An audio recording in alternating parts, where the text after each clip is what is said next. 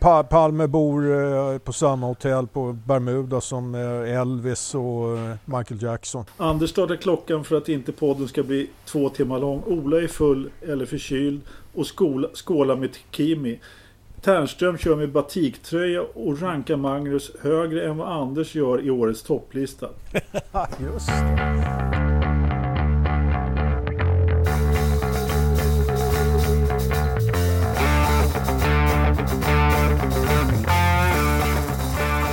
Med den lilla resumén så ber eh, Christian Ridderstolpe, Anders Lövström, Joakim Ternström och Jakob Engmark att hälsa er välkomna till Forsa-podden avsnitt 29 faktiskt.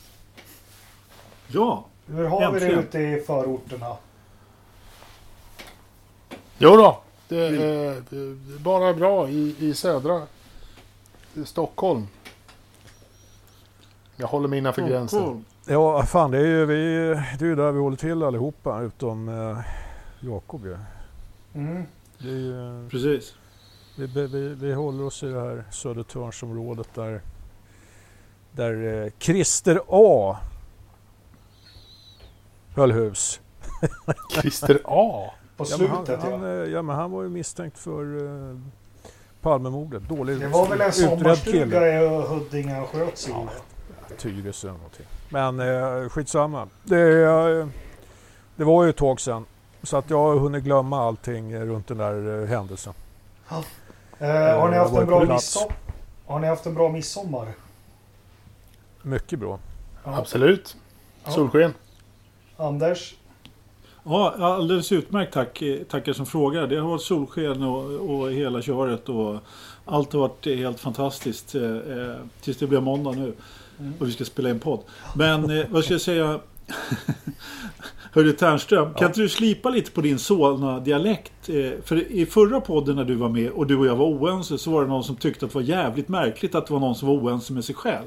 Som inte riktigt kunde skilja på våra röster. Så att fr- från, från, från dina öron kommer nu Anders Lövström. Kan vi få, få höra ett prov på Joakim Ternström också? Ja, men här är jag. Jag är bara otroligt förvånad över att någon skulle tycka att våra röster är lika på något sätt. Jag med. Jag var också väldigt förvånad över det. Men, men jag, menar, jag vet Men- inte var, var kommer du ifrån? Var du eh, tillägnat Stockholm. din... eh, Vad sa du? Stockholm! Stockholm? Ja, okej. Södermalm då? Ja, jo, men så här är det. En jävligt vanlig eh, kommentar jag har fått höra mer förr eh, än nu eftersom eh, ja, den här söder, söderslangen, ekens snacket har ju liksom försvunnit. Va? Var ju att ja. fan, du måste ju komma från söder. Mm. Eh, men nej, Solna hade en egen eh, liknande dialekt. Det var ju en gammal arbetarkommun. Södra man Lappland påverkad. är det väl? Så, Så, och, och, eh, jag menar, Ja, fan, vi, som kommer från Solna, vi låter så här. Och vi är fan inte från Stockholm, det kan jag säga. Nej, det ska gudarna veta. Sånt patrask vill vi inte ha i stan. Södra, södra Lappland som jag sa är väl Solna. Ja, det är en jävla Ja, skitkommun om jag ska vara riktigt Ja, ärlig. en, för, en förort till Upplands Väsby kan Ja. man också säga. Ja, Eller till Knivsta. Skit i samma, ett missöde. Vi trodde vi skulle fira, fira 100 idag, men så var det inte. Det var någon som upptäckte att eh, i vårat kartotek över poddavsnitt så har vi hoppat över avsnitt 29. Så vi, eh, vi slinker in här lite från kanten och kör avsnitt 29 och då hamnar vi direkt. Vad hände i Formel 1 1929? Jag vet att Anders Lövström hade fått sitt första sommarjobb då och kunde inte följa Formel 1. Är det någon Eller hur? nej. Jag, jag hade inte råd med? Viasat. Nej. Eh, jag tror 1929, det fanns väl inget VM då om inte jag inte googlar eller någonting. Men det, det var väl då man bara körde Grand Prix va? Så var det nog. Ja, Uh, och det stämmer. Det stämmer. Eh, alltså det var en... en jag gick måste inte Indy nästan... 500 i, i mästerskapet? Jo, Det är ju... Jo. Ja, men det körde säkert då. Eller? Det var ett, det var, det var ett Indy 500 och ett, eh, och ett eh, Le Mans. Det var vad som ingick i, eh, i VM. Eller inte VM utan vad det nu hette. Grand Prix-säsongen. Sen kördes det massor med andra Grand Prix också på, över hela jäkla Italien. Och, Det här måste ju det vara på den tiden där alla stora bilfabrikanter körde sönder sporten. Som Alfa Romeo, Bugatti och ja, känner igen Det var bara Bugatti och Alfa och Talbot kanske någon som vann och lite sådär. Och, eh, men eh, ja, och sen så i Indianapolis så var det ju Ray Keach i Miller, kommer du inte ihåg det? Ja, gud ja. Nu kommer Ternström där. Jag krökar med honom en sommar. Precis. Ah, Äh, vi, vi måste ju också faktiskt tala om varför vi glömde avsnitt 29. Det var, vi, vi måste ju nästan berätta den lilla historien bara. Det var ju faktiskt så att eh, våran eh, eh, kollega Ola han tyckte att vi skulle se om, eh, om det var någon som upptäckte att vi liksom tappar bort ett avsnitt. Så att vi kör inte det här avsnittet. Så börjar vi om på, på avsnitt 30 sen i januari. För det här var ju i december när vi körde 29, 28. Och så hoppar vi över ett avsnitt. Och det var alltså ingen som upptäckte det förrän nu. när vi sa att vi skulle köra 100. Då var det en lyssnare som hörde av sig till mig och sa eh, har, har ni verkligen spelat in 100? Hoppade inte ni över ett avsnitt när det nu var? Eh, jo visst fan. Men varför, vi har väl varför även skulle man hoppa över ett- avsnitt? Det är ju jättekonstigt att hoppa Ja. över ett avsnitt. Ja, det, ja, men det var bara på, för att se om det var någon som upptäckte. Jag vet inte, du får fråga Ola. Om ni hade- det var, Om, om det fanns någon lyssnare överhuvudtaget som brydde sig, vilket ju förmodligen inte gör. Ja, typ. Oavsett. Typ, typ. Exakt. vi, vi har ju några avsnitt 1B och, och 2C också ligger Ja, någonstans. det har vi faktiskt. Fast de är inte publicerade så de får faktiskt inte vara med i räkningen. Men, men ja, i värsta fall skulle vi kunna publicera. Men Ternström, du har ju det på, på hårddisken någonstans. Du kan väl lägga ut det också kanske? är frågan är om jag har den hårddisken kvar. Och det är den som har skruvmejseln i sig. Ja, det, är, det, är, ja, det har gått eh, en och annan dator sedan dess. Att, eh, Ja. Nej, det får bli någon slags hyllningspodd när någon av oss avlider. Och, eh, Som något minnes. Men eh, vi laddar om nästa vecka är det 100. Eh, lite vad som har hänt i motorsporten. Det jag tänker främst på att det som har hänt sen senaste veckan. Nu börjar eh, ryktas och även bekräftas att McLaren vill ha in nya pengar i form av en delägare. Eh, vilka var det mer som jag? Ja, Williams har vi sedan tidigare. Eh, det vi har befarat att det här ska bli något DTM med de stora bilfabrikanterna verkar ju mer bli ett VM mellan Wolf och Stroll och, och Masserpin. Eh, är det någon som har mer info vad det är som händer hos McLaren? Vi sa ju för något avsnitt sen att där finns det ju deg så det räcker och blir över. Jag vet inte om det är... Det är väl inte jättenytt eh, tydligen liksom, men... Eh, eh, det var väl i samband med att eh, Williams eh, gick ut som man, man gjorde en genomgång över, över de som eh, potentiella uppköp kandidater av Williams, så att säga, investerare. Och, och då, då räknar man ju det, vi räknade ju lite grann kallt med att Latifi, eh, familjen där, skulle ha eh, något innespår till att köpa sig eh, ett, ett Formel 1-stall. Men de har ju redan liksom satsat pengar i McLaren. Så att eh, det pratas lite mer nu om att de faktiskt är så här eh, att den investeringen är intressantare för eh, Latifi-familjen än att köpa Williams. Eh, så att om, om McLaren behöver pengar så vill man nog hellre gå in och köpa sig ett köpa upp eh, en större del McLaren än, än att köpa Williams. Vilket gör att Mazepin eh, räknas mer som en Williams-kandidat eh, idag. Mm, ja, jag vet inte. Jag har svårt att tänka mig att man släpper eh, någon större andel i McLaren om jag ska vara helt ärligt. Nu har ju de uppenbarligen också haft lite, eh, inte ekonomiska problem kanske, men jag såg senast idag att, att Oddjob har slutat. Eh, eh, Vad Mm. heter han? Mansour. eh, Mansour. eh, Jaha, har han? Ja, precis. Ja, han, alltså han är tydligen lite halv... Hälsan är sviktande men det stod mycket tydligt också att det var ingen skillnad i hans eh, innehav i, i, i stallet. Men han har, sonen har ersatt honom på, i styrelsen. I alla fall. Då. Så att, och det är ju då eh, han och, nu ska vi se. Alltså när han kom in i McLaren var ju då tag, när Tag Heuer med Tag Heuer-gruppen där som de snodde från Williams när, eh, Ron Dennis fick över dem till McLaren. Och sen Ja, dess de har de varit stora. Por- Porsche-motor som tag. Ja, precis, precis. Och det var då investeringen kom och sen dess har de varit stora ägare och där, alltså där finns det ju pengar. Och samtidigt så är ju då den här, eh, jag kan ju inte de här, är det Bahrains eh, fond? Ja, Statsfond? Något sånt ja. Eller Abu Dhabi kanske? Nej, Abu Dhabi Bahrain är det.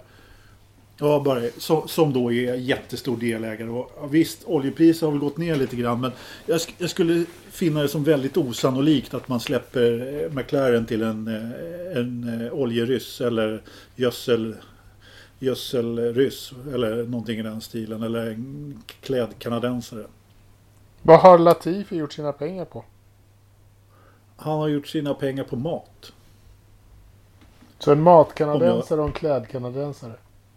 Ja, jag menade matkanadensaren. Eh, han eh, har en jättestor eh, livsmedelskedja eh, om jag är rätt underrättad. Jaha. Okej. Ja. Jag Ja, ja. inte Fan, vad, vad ska man säga om den här utvecklingen? Det är, den är, känns ju jävligt märklig alltså. Ja, Och Toto som köper andelar lite här och var. Liksom. Vad fan håller de på med? Liksom? Det är, ehm, en, en, en grej är väl att de försöker skydda redan gjorda investeringar misstänker jag. Eh, genom att eh, hitta lösningar så att de kan hålla, hålla startfältet igång. Eh, men eh, ja, jag, jag vet inte. Frågan är också vilken eh, liksom, kommer de här gubbarna att liera sig på något vis? Hur, hur, alltså, vad, för maktfaktor kommer de att bli? Menar, Ja, du- menar du de, ny, de nya? Ja, men alltså de här som kliver in, Latifi, Gödselmasse och, Ja. och jag menar, vi har Stroll redan. Ja, vi har Haas Eh, också. Det ska vi inte glömma. Att han Toto. också är ganska ny. Alltså, Jo. Gene Haas är väl, är väl också en, en, en spännande spelare för de här. Om nu Stroll, Latifi, Mazepin och Haas skulle gå ihop och liksom ha prata ihop sig om en agenda så skulle ju de ha ganska mycket att säga till om. Om nu, om nu liksom, om Mazepin köper Williams så att säga. Mm, jo, men det, det är klart. Så, så är det ju. Sen Så- just, nu, just nu är ju Haas relativt självständiga liksom. Det är ju inte... Ja, Eh, Men- men vad- de, hur- de tillhör ju på något sätt Ferrari-sfären i, eh, ja. I, eh, i det här tillsammans med eh, Alfa Romeo. Då. Nej, det, det, det är en märklig utveckling. ja jag, jag undrar också just vad, vad håller de på med? Det, Ja. eh, jag tänker, finns det någon förutom Haas och Williams som likt Ron Dennis och andra äger sitt stall nu och driver det? Det finns väl inga kvar? ja, Renault har ju... De Ja. lever ju ett eget liv. Ja, Och Red Bull. ja Men Red vadå, Bull ja. men, men ja. vadå, vad, Men vad, väl- vad gör Racing Point då? Alltså, va? Ja, jag fattar inte. Point Också, ja. Ja, Nej, det, det, var fel ganska, av mig. och ganska många som lever sitt eget liv. Det är bara att det finns vissa, det finns ju vissa grupperingar i, i hela liksom, Mm. så här, leva sitt eget liv. Vi kan ju säga så, så här, det finns ju en Mercedes-sektion och det finns en eh, Ferrari-sektion. Det finns en, en liten Red Bull-arena och så finns det någon, några, några så här Coca- Coca-Cola och Fanta-killar som, som heter Renault. Eh, eh, liksom, sen, och sen är de här grupperingarna liksom olika stora. Mm. Olika Alltså det, det, det, det, man, det, det jag blir lite orolig för det är ju liksom att det blir någon sorts kartell här som styr ett antal team och eh, någonstans bestämmer sig för hur de här teamen ska positionera sig i förhållande till varandra. Och vilka varumärken de så att säga får eh, skylta med. Liksom. Jo, precis. Men det, men det, det är ju så det är redan nu. Att liksom Mercedes har ju sina grejer. Men de går ju inte in och säger att Williams, eh, som ju är lite Mercedes eh, och, och även Force India är ju mera Mercedes. Mercedes huvudstall går in, fortfarande inte in, eller Mercedes som bolag går inte in och säger att ni får, ni får, eh, ni måste ju köpa de här eh, cigarettmärket eller någonting. eller kläderna eller vad, solglasögon vad man nu Mm. har. Ja, ja, Men ja. f- frågan är liksom vad som händer om de här nya snubbarna Jo, men det är de jag skiter i, på. ja, men om, om de skiter i motorleverantörer som vi nu ser som Ja. kartellbildare. Om de by- bygger någonting eget med Haas, Mazepin, Latifi och, och kanske någon annan spännande ryss antagligen. Mm. Vad, vad, liksom, hur kommer de att köra liksom, Stroll? Och varför är det inga kineser som kliver in i detta? Ja, det är faktiskt en jävligt bra fråga. Det Varför där finns finns det ju jävla mycket pengar. pengar som helst. Ja, ja, det finns Det- sjukt mycket pengar. Det, varför, var, vad satsar de sina pengar på? Liksom, varför de lägger ju pengar på något. Ja. Det ska man ju inte säga. Det, det gör de ju. Och, och, och biltillverkning köper de ju lite till höger och vänster och, och tycker att det är skoj att hålla på med. Mm. Ja. Nej, vi kanske har nästa, nästa investerare från Kina. Jag, jag väntar på det också ett tag faktiskt. Ja. Eh, Ungefär som man väntar på...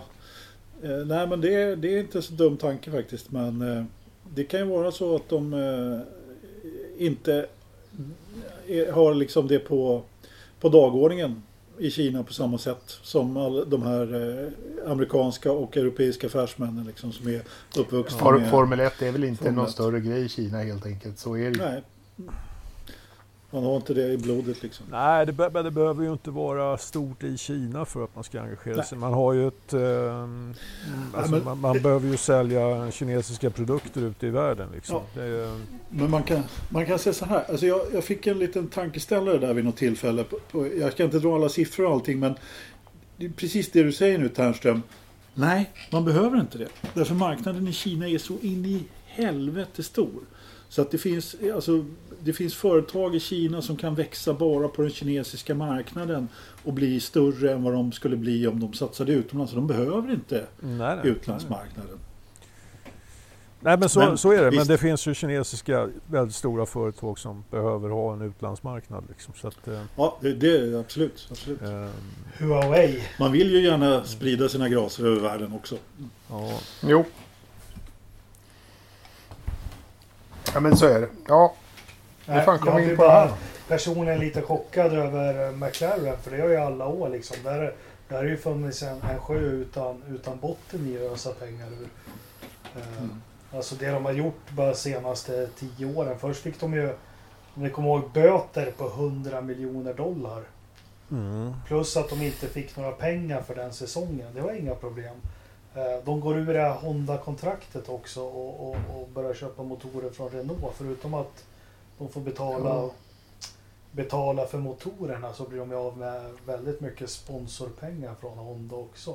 Men det, är liksom inte varit, det, har aldrig varit, det har aldrig varit några ek, eh, ekonomiska bekymmer eller att McLaren har aldrig gjort val utifrån ekonomi Nej, känns det som det, det, kan, det kan ju vara så att de, just de där affärerna har kostat dem lite för mycket. Ja. Eh, okej, precis. Men för, jag vet inte, hur, hur hänger deras bilförsäljning ihop med F1-verksamheten idag? Eh, är de helt frikopplade från varandra eller hur eh, tusan är det? Ja, de har tre ben, McLaren Group, och var på Formel 1-verksamheten är en och, och bilförsäljningen en Ja. och ja, den här teknologivarianten en. Jag vet inte, det var ett tag sedan jag läste deras eh, årsredovisning men när man manövrerade ut Ron där så gjorde man ju Mm.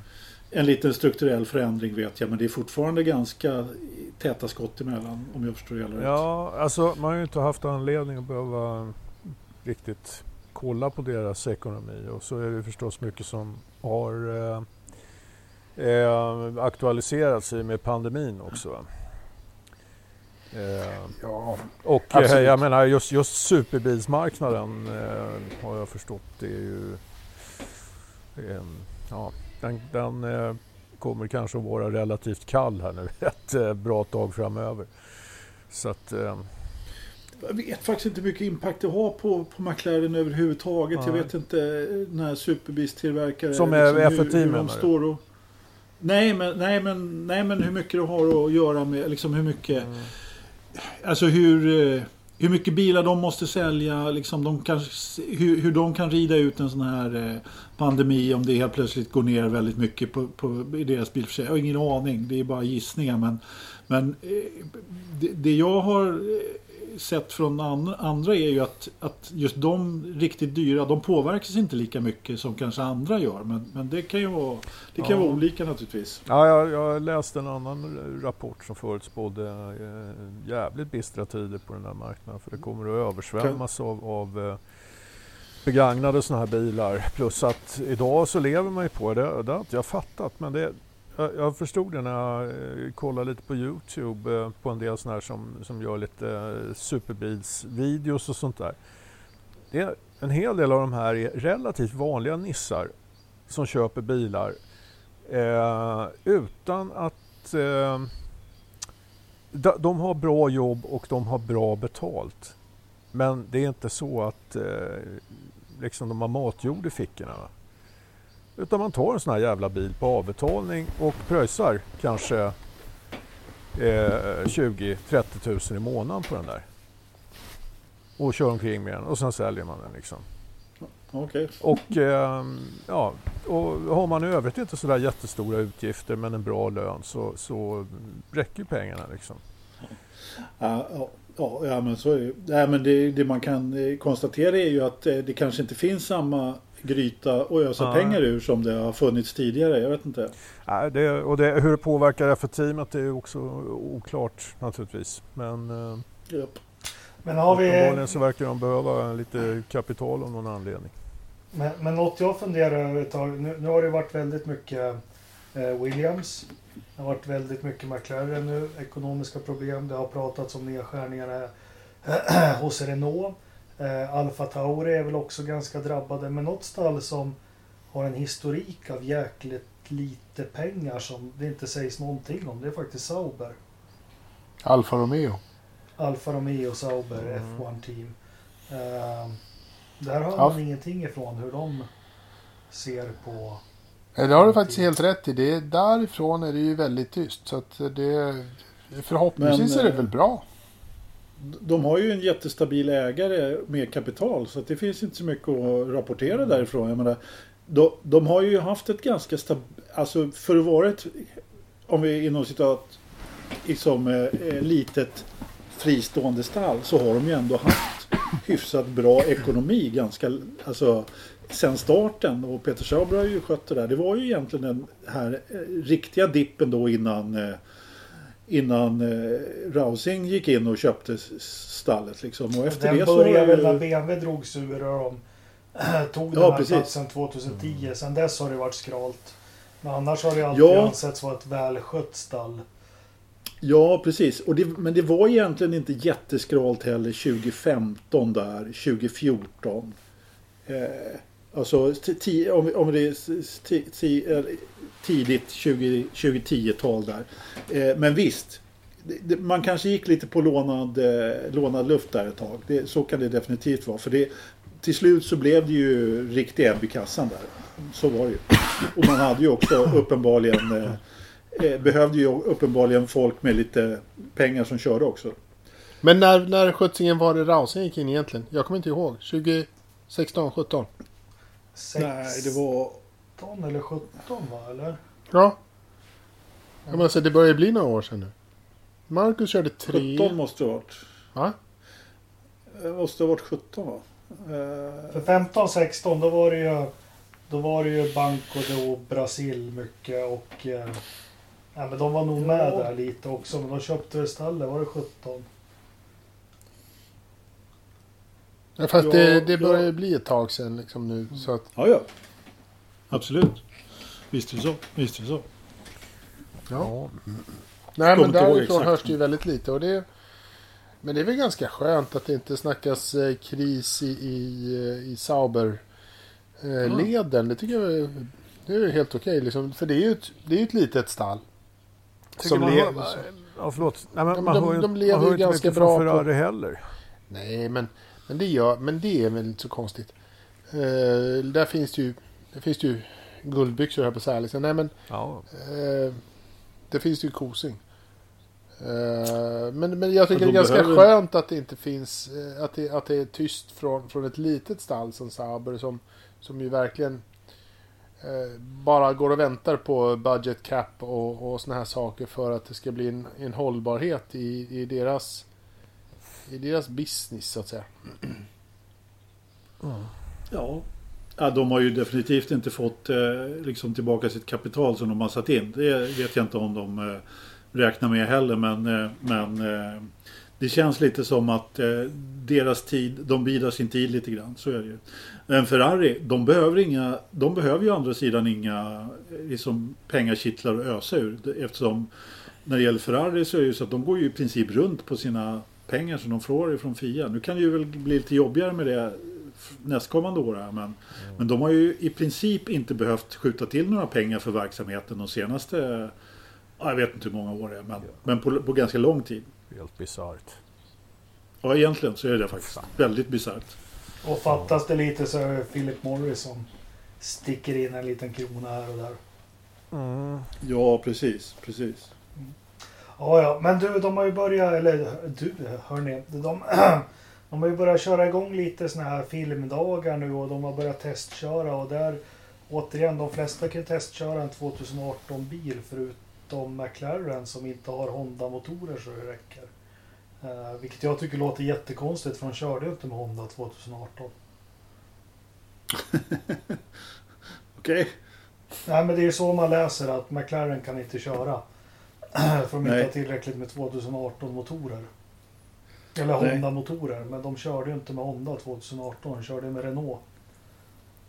Ja. Ja, Gjorde de? jag kan inte få ihop det. Ja. Gjorde de? Ja. Ja, då, ingen aning eh, vad det är för ursäkt då. Men det börjar ju röra lite på sig nu och jag vet inte. Eh, har det hänt något? Det är väl bekräftat nu att vi åker igång 4 juli i Österrike. Ja, ja, alltså säsongen är ju klar.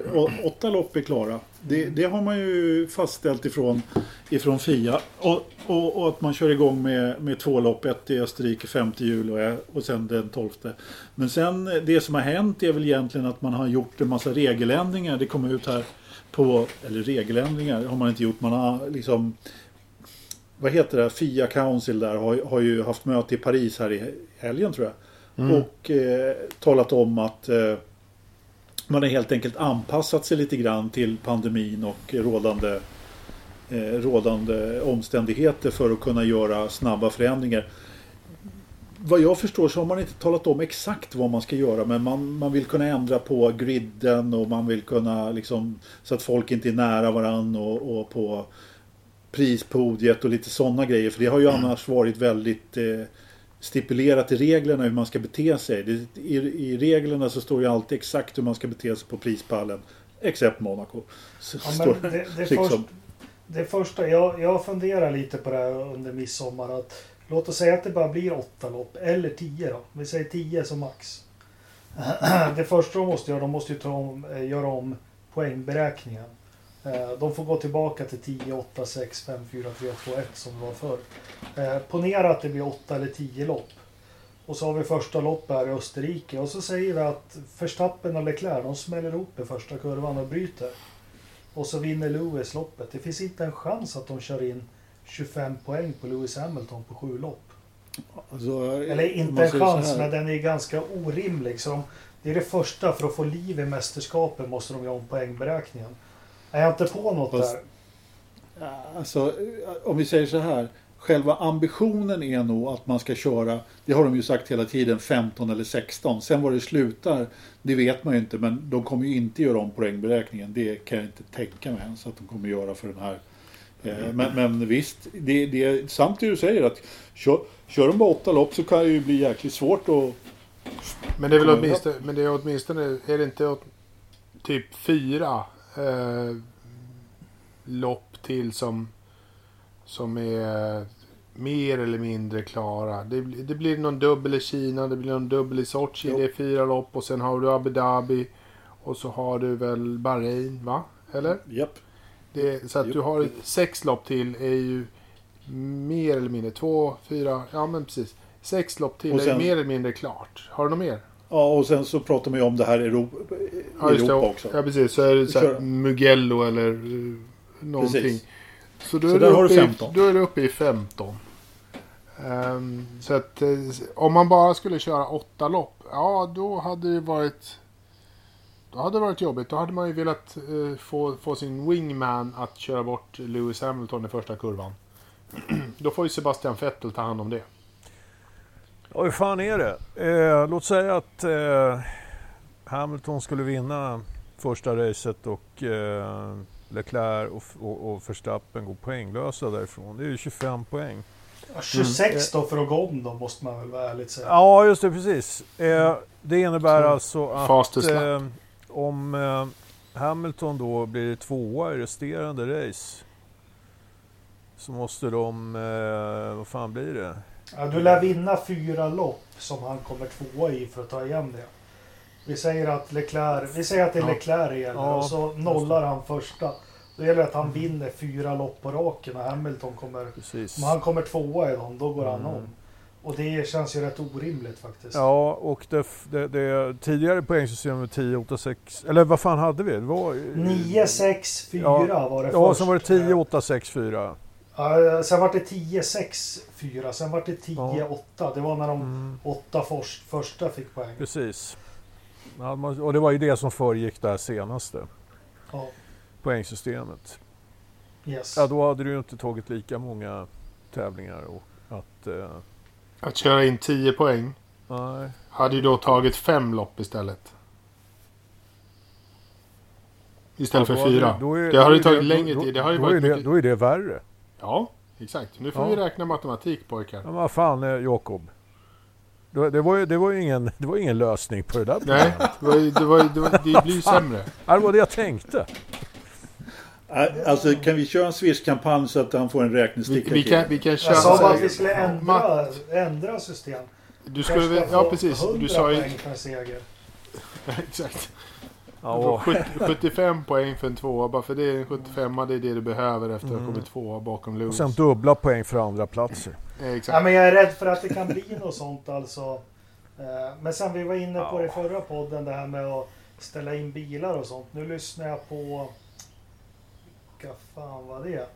Adrian Newey. Det skulle du tro va? Kanske det var. Ja, men det var en Jag lyssnade på en podd med honom med. Motorsport. Den var ju jätteintressant. Ja. Eh, eh, nej, jag tappar bort mig här nu, men... eh, ja. Ja, jag, jag vet, jag, det här med att ändra poängsystemet, det, det känns ju... Nej. Det, det vet fasiken. Ja, det, har ju, Eh, det, liksom. det har ju ingen större betydelse i det avseendet kan jag tycka. Nej. Ehm, Nej. Nej. Nej, för, för, för att köra som Nascar med fem, man börjar på 5000 poäng liksom. Eller vad? ja, Och så får man jobba sig neråt precis. för, för, för Ja, mig eller få eh, 300. det, det är bästa poängsystemet i år. är Gamla hederliga 9, 6, 4, 3, 2, 1. Ja. Det skulle man ha behållit. Men det hade ju inte funkat i, idag liksom. Men vad fan, då hade ju knappt någon jävel fått några poäng. Nej. Två tredjedelar av Alltså, jag måste- startfältet hade varit utan poäng helt och hållet. I, Ja. År efter år efter år. Ja, Visst är det så. Visst Ja. så. Ja. Vilket hade varit jävligt menlöst. ja. Nej, Alltså, alla ska få poäng så- egentligen. Egentligen ska alla ha eh, någon form av poäng. Så Alla ska få lika många. Alla är lika Mm. duktiga. Ja, Alla är lika bra. de är så fina så. Mm. ja. Nej, men, ja. Ja. Hur många gånger har vi inte räknat om Marcus säsonger om han hade fått poäng för alla sina elfteplatser liksom. Oj, oj, oj, oj, oj. Mm. Tänk om han skulle kört på 80-talet då skulle han inte... Då skulle han tagit två poäng i sin karriär. Nej, vad fan. Vad, har- Han- vad, vad Han kom femma någon gång. Nej, Femma. femman hade varit. Jo, Australien. eh, Nej, det 15. kan du glömma. Vad var han då? då? Var han åtta kanske? Fan, vet. Jag tror inte han har varit bättre än åtta. Ja, det skulle ha varit noll poäng då. Ja. Ja, men det är lite sånt ibland som man tänker. eh, Jag tycker det är synd det här med poängen. För du kan ju aldrig jämföra riktigt rakt av. Men vi säger en sån som Lill-Lövis liksom. Som körde in poängen i Onyx.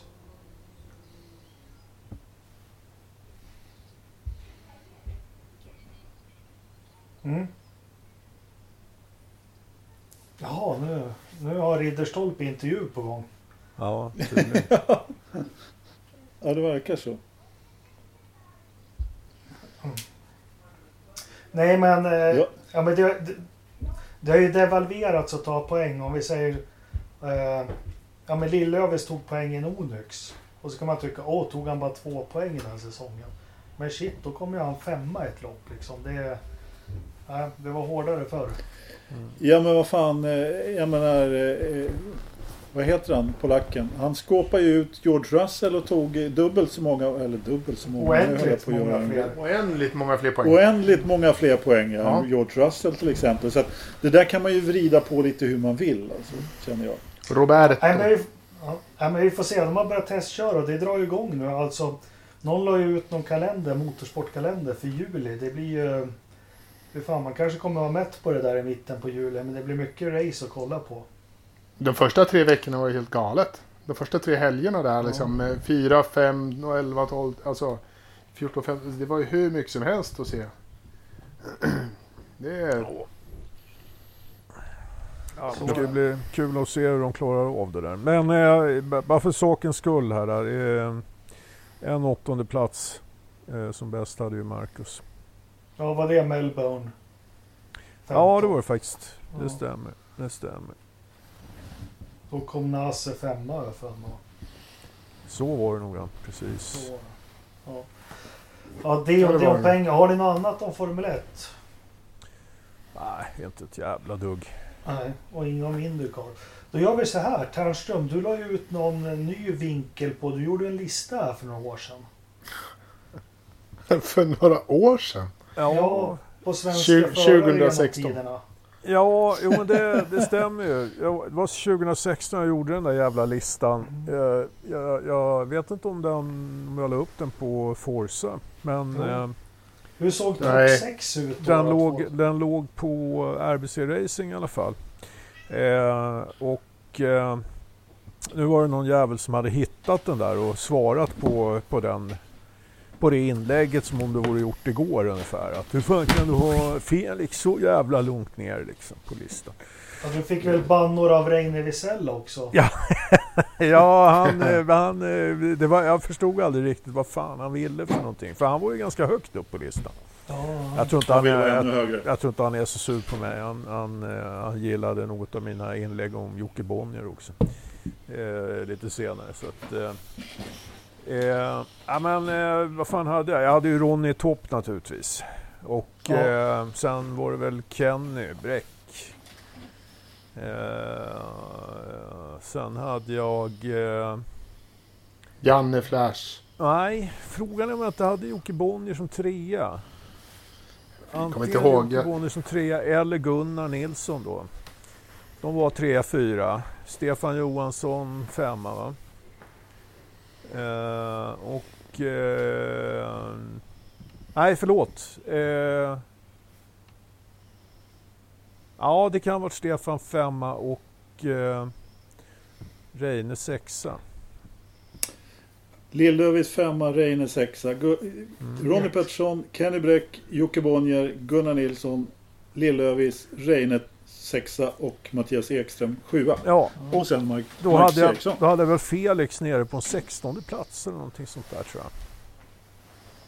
Han var 16 det. Just det. Och eh, han har ju helt klart eh, klättrat kan vi säga. Ja, men ska vi dra en eh, Anders och, och Christian? Hur ser han topp 6 svenska racerförare? nu hem- snackar vi racing, eller hur? Jo, men det kan jag inte bara dra sådär i, i, eh, i, ur, ur mössan utan att få tänka lite. Men kan vi vara överens om att Ronny är ju den största genom tiderna? Det går ju inte Ja, att bortse ifrån. Ja, jo, Ja, alltså- absolut, jo. Precis. Sen är väl de, de flesta av de där eh, topp 6 och de, att fylla topp 8 med, med det Joakim har sagt nu är väl inte så jäkla svårt liksom med Felix och, och så. Det enda, och jag såg också att den här listan har bubblat upp. Eh, och det enda jag reagerade på att det eh, var en ganska lång lista, en, en, en bra radda med, med massa namn.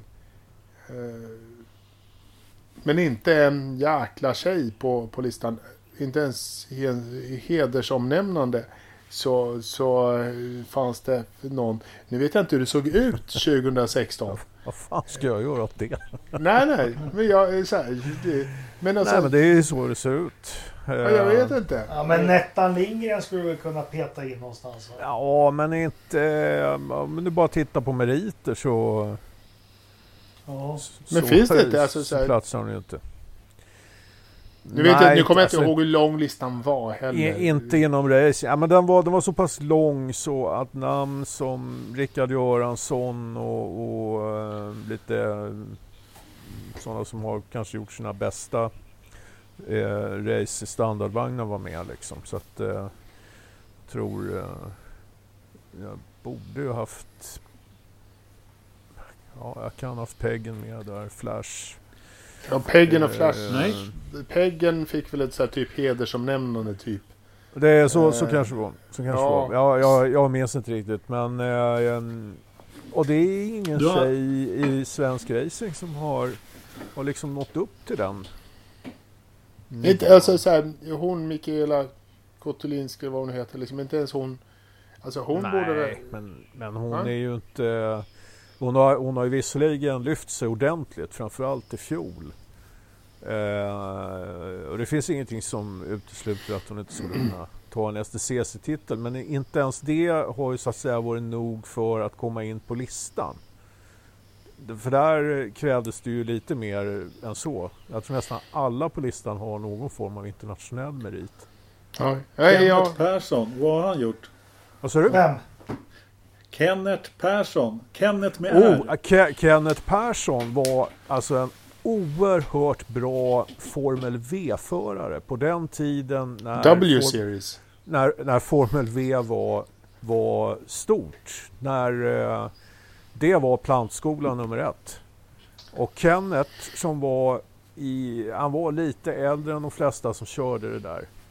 Eh, och höll på väldigt länge och körde i den klassen. Eh, verkade inte ha haft några ambitioner att eh, liksom, ja, hoppa upp någonstans. Han mötte ju dåtidens eh, de som, de som sedermera blev F1-förare, Kekke Rosberg och en massa sådana här namn. Han spöade folk i kubik alltså. Eh, honom måste jag läsa på om. Det var spännande. ja, för fan. Nej, men han, eh, han var riktigt jävla bra alltså. Är Bosse Emma med på listan då? Nej, det är han inte. Nej. Men du, jag tänkte så här, bara, det är svårt att bara haspla ur sig, men eh, en liten eh, brandfackla kasta in. Jag, jag har ju sett att så fort jag har tråkiga möten eller konferenser, då är det såna här listor man sitter och gör. I alla fall jag i blocket, när man låtsas ta anteckningar. Men är det någon jag börjar värdera mycket högre nu, och vi tar din ursprungslista där, den är ju ganska enkel med Ronny, Kenny Mm. Bräck, ja, Indy 500 och hej och hå. Sen så blir det, ja, Gunnar han vann i Formel 1, eh, Jocke Bonnier också, men Lillövis har stigit i min bok. Jag skulle... En, jag har svårt att sätta honom och Kenny liksom jämföra mot varandra. Nog kanske Kenny kommer före då. Med, han har vunnit titel men Lillövis, Ja. ja, han vann inget lopp men han körde för Ferrari två säsonger. Han körde för McLaren. Han Mm. tog 14 pallplaceringar. Han gick upp i ett Formel 1 på den tiden som där tillförlitligheten inte var den bästa. Han Mm. gjorde det mot förare som Niki Lauda, Nigel Mansell, Nelson Piquet, eh, Ayrton Senna. Alltså det är bara att räkna hur många VM-titlar han körde Jo, mot jo. varje. Han vann Le Mans ändå. Eh, så min bok är faktiskt Lillövis, han har nog kommit upp där på en tredje plats. Ja, alltså han är inte helt jävla lätt att bedöma. Nu, nu utgick jag i den där listan väldigt mycket från meriterna liksom. Mm. Men man kan, om man vill analysera hans karriär och, och, och jämföra med den med, med, med de andra så får man ju säga, alltså han, han körde både som jag tycker och som jag tycker mig också kunna utläsa ur statistiken under en av de tuffaste erorna i Formel 1. Där mitten av 80-talet, där, där eh, jag tror aldrig det har funnits startfält i F1 där så många förare samtidigt har varit både världsmästare och segrare i, i F1. Bara Eh, kort, ursäkta jag avbryter. otroligt, men Om, om, eh, vi tar, om vi tar säsongen 85. Du har Ja. alltså Lauda, Prost, du har Piquet, eh, du har Rosberg. Alltså, vi- Mm. Vi tar Senna, då har du 12 VM-titlar, du har 16 med Prost, du har 17 med Rosberg. Alltså vi säger att det är 17-18 VM-titlar som skramlar runt där. Mm. Så, Ja, det, det var... eh, Det där var nästan eh, guldåldern i F1. Som vi tyvärr inte fick se så jävla mycket av i, i Sverige. Det var ju lite i efterdyningarna efter Ronnys död och på 80-talet så hade ju inte kabel-tv och såna här grejer riktigt kommit igång. Mm. Så att, Man eh, fick vi- vi lita så på- mycket av det. Man får lita på P.O. Källström helt enkelt. Ja, exakt. Eh, eh, Men det jag skulle komma till, han är svårbedömd. Sen en annan, Gunnar Nilsson, det är så här, ja, han körde alldeles för lite för att kunna liksom bedöma. Han vann ett lopp och det var ett Mm. chansartat lopp som med däckstrategier och regn och, och sånt. Sen, då. sen ärlighetens namn så gjorde inte han så mycket resultat. Ja, han hade en tredje plats också. Ja, eh, i bagaget. Nej, men han, är, han är också lite svårbedömd. va. Men ja, jag, jag minns när jag gjorde listan så lät jag eh, meriter i F1 gå före.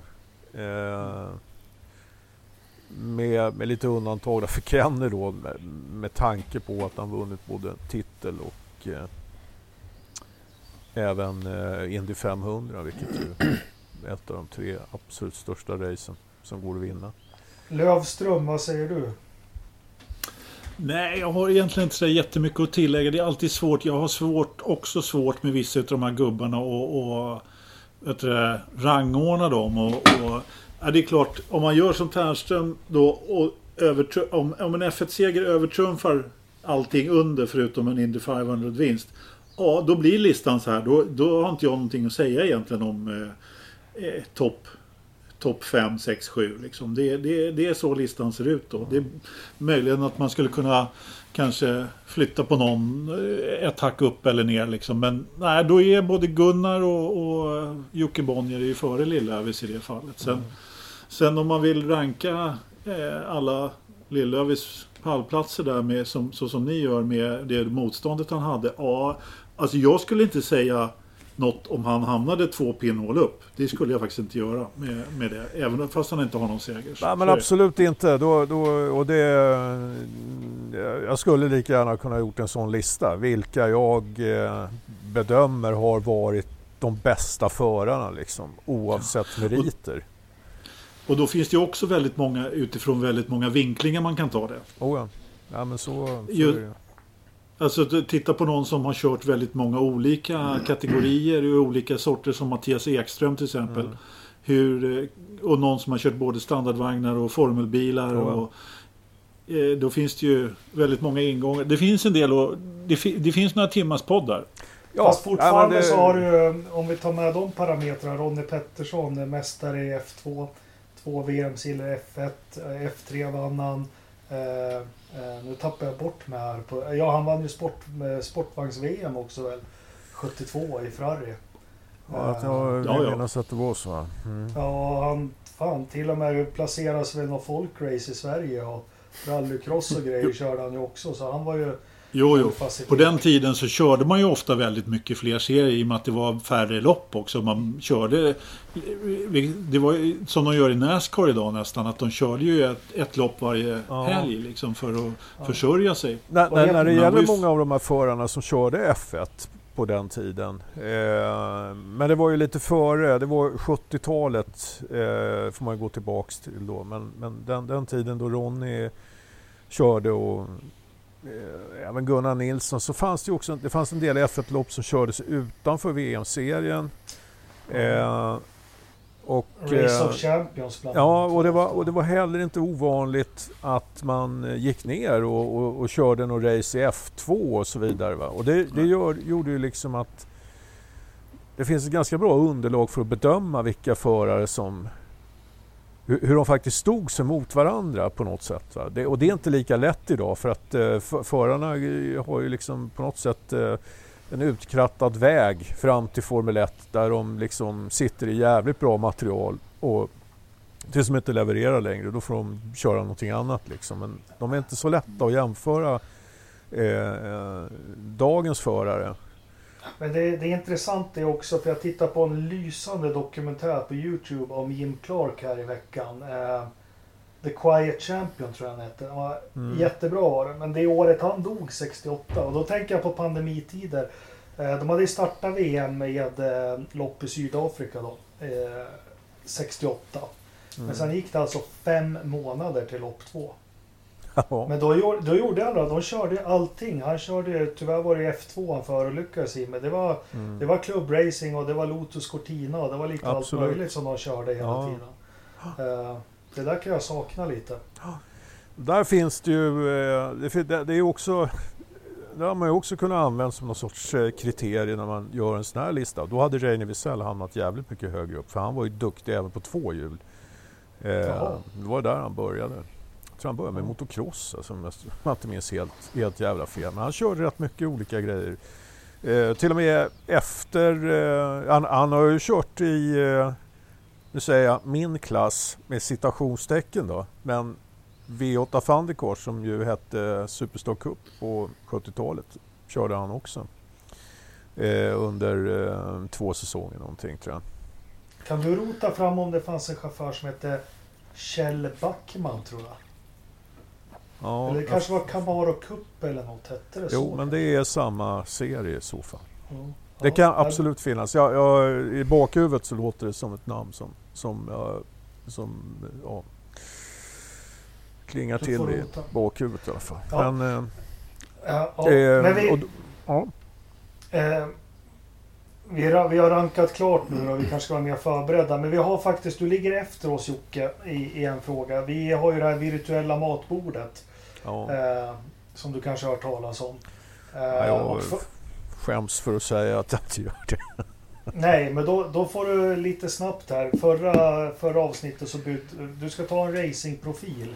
Ja. som du får bjuda, levande eller död, någon som har med racing. Och du får ställa en, en fråga där du blir garanterad att få ett ärligt svar. Och förra veckan så eh, bjöd, vem var det jag bjöd? Jag har glömt. Jo, jag bjöd eh, Richard Seaman. Eh, engelsmannen som körde Mercedes på 30-talet. Ridderstolpe, du tog Bernie Eccleston va? Nej, Fangio. Fangio Mm. tog du och eh, Anders tog... Jag eh, tog Bernie. Bernie, det var till förrätten. Vem skulle du börja med till förrätten då? Oh, förrätten. Ja, men då, då börjar vi med något som kanske inte är riktigt lika jävla viktigt. Då. Eh, jag, kör, jag tar Nelson Piquet Jr. Jag vill veta vad fan som hände där i Singapore. Ja. Mm. Och så väljer honom och inte Flavio. Ja, jag, jag eh, tycker Flavio Eller tar- tar du Flavio till Han är, han är efterrätten? lite obehaglig. Ja, Men lite. mina, jag, jag, har, jag har faktiskt träffat Nelson Piquet Jr någon gång. Jag tyckte han verkade, ver- verkade rätt sympatisk. Så. Tysk mamma. Körde han i eh, Renault eller? Ja. Nej men alltså Ternström, när du träffade honom. Nej, nej, i- nej, nej, nej, nej, men han var, han var intresserad av att börja köra rallycross och var med på en eh, pressträff ute i Nynäshamn där, där eh, Ja. OMSC, Olsbergs, har sitt Ja, eh, högkvarter. Ja, Ja, ja. ja, Och han körde väl eh, rallycross i USA där tror jag. Om jag inte minns helt jävla det fel. var så. Ja, han gjorde något jävla inhopp i alla fall. Ja. Mm. Eh, Ja. Bra. Eh, men då börjar vi Ridderstolpe då. Eh, vi är framme vid lunchen. Vad bjuder du på? Vem bjuder fan, du vä- vänta, hallå, förrätt och sen lunch? Nej, Ja. varmrätt. Han har, han har ingen koll Ja. på det här. Varmrätt. Förrätt och sen varmrätt. Ja, varmrätt. Ja, vilken, vilken rätt bjuder du på? Vem bjuder du dit? Och vilken fråga vill du ha svar på? Det blir, det blir ett, en schysst bit lamm. Eh, tänker jag. Gärna liksom lite lammrax eh, med eh, pistagenötter eller någonting sånt där. Så kan jag tänka mig att de är liksom är lite schysst på eh, ett, bra ordentligt glas rött till det där. Sen behöver man fan inte så mycket mer. Lite, lite rostad potatis kanske och någon, någon mumsig grönsak eh, kanske. Eh, så.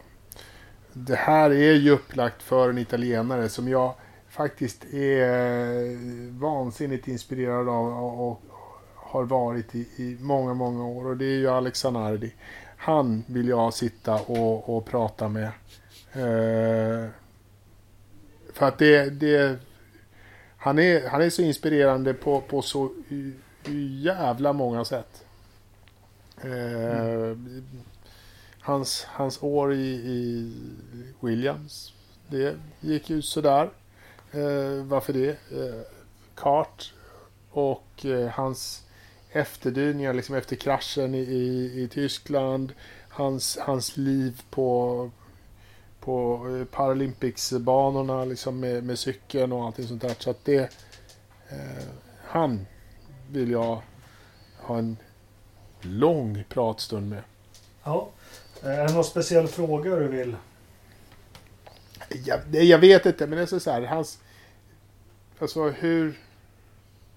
Nej, jag vet inte. Det, det, det, kommer nog bli ett samtal om livsåskådningar och liksom så här, mm. hur man överkommer eh, enorma utmaningar i, i, livet som man har gjort. Liksom, och ändå liksom komma tillbaka. Och köra bil igen liksom, på, på riktig racingbana efter en sån sjuk jävla olycka som man hade i Tyskland. Alltså det, det är så mycket som man skulle vilja prata med honom om. Jag, liksom, och jag har lyssnat på lite poddar och sånt där. Han är ju, han är ju intressant och liksom en riktig inspiration. Ja. Men vi återvänder till honom i slutet av avsnittet. För jag har faktiskt tänkt upp, ta upp det som det är lite aktuellt ja. också med sådana Trevligt. Anders, vad skickar du fram mm. på bordet och vem skickar du dit? Jag hade tänkt ta Sanari faktiskt. Ja. Men eh, jag, jag, får helt enkelt dra någon annan ur eh, rockärmen då. Så, som, eh, och hitta på. Och då, då, jag får väl ta en annan gammal gubbe som i och för sig har varit förare också. Men eh, Enzo Ferrari skulle jag nog kunna tänka mig att samtala en stund med. Också. Det är också en sån här som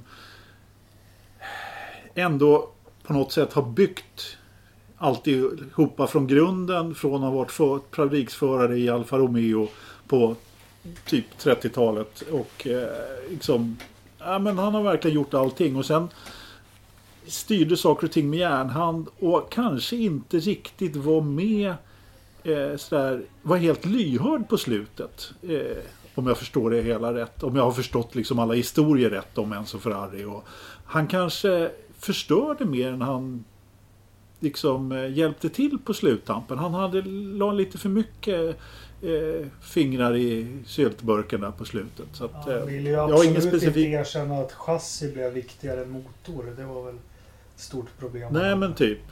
Ja men precis. Det är ju det här klassiska citatet med eh, liksom aerodynamics är för de som inte kan bygga motorer ungefär. Liksom. Så han hade ju vissa problem där helt klart och, och kanske var lite för bestämd i sina åsikter. Så, nej men honom vore kul att prata lite med.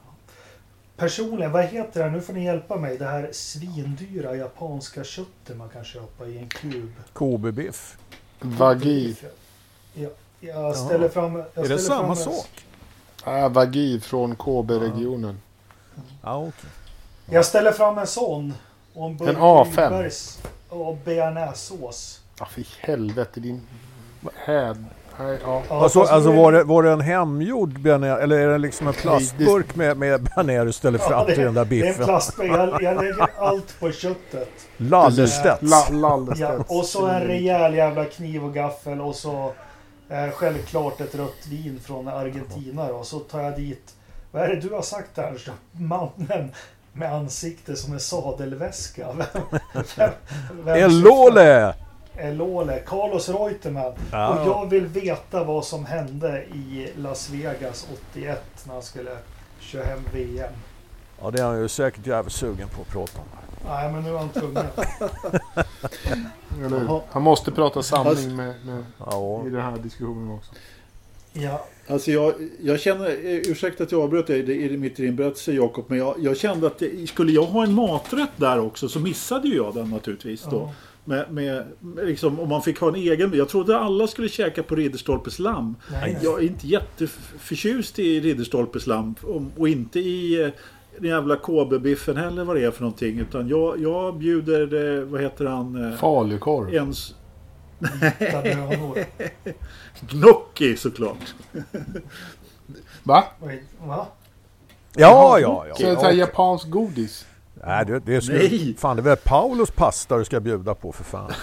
Ja, Gn- Gnocchi, jaså. alltså det är det bästa av två världar. Det är Ja. både potatis och pasta. Ja. Det, är liksom, det kan inte bli bättre än så. Man behöver inte ha så mycket mer så. En schysst sådär eh, lite basilika och smörsås. Och, eh, Fast det är jag har redan glömt eh, vem det var du skulle surra med Anders.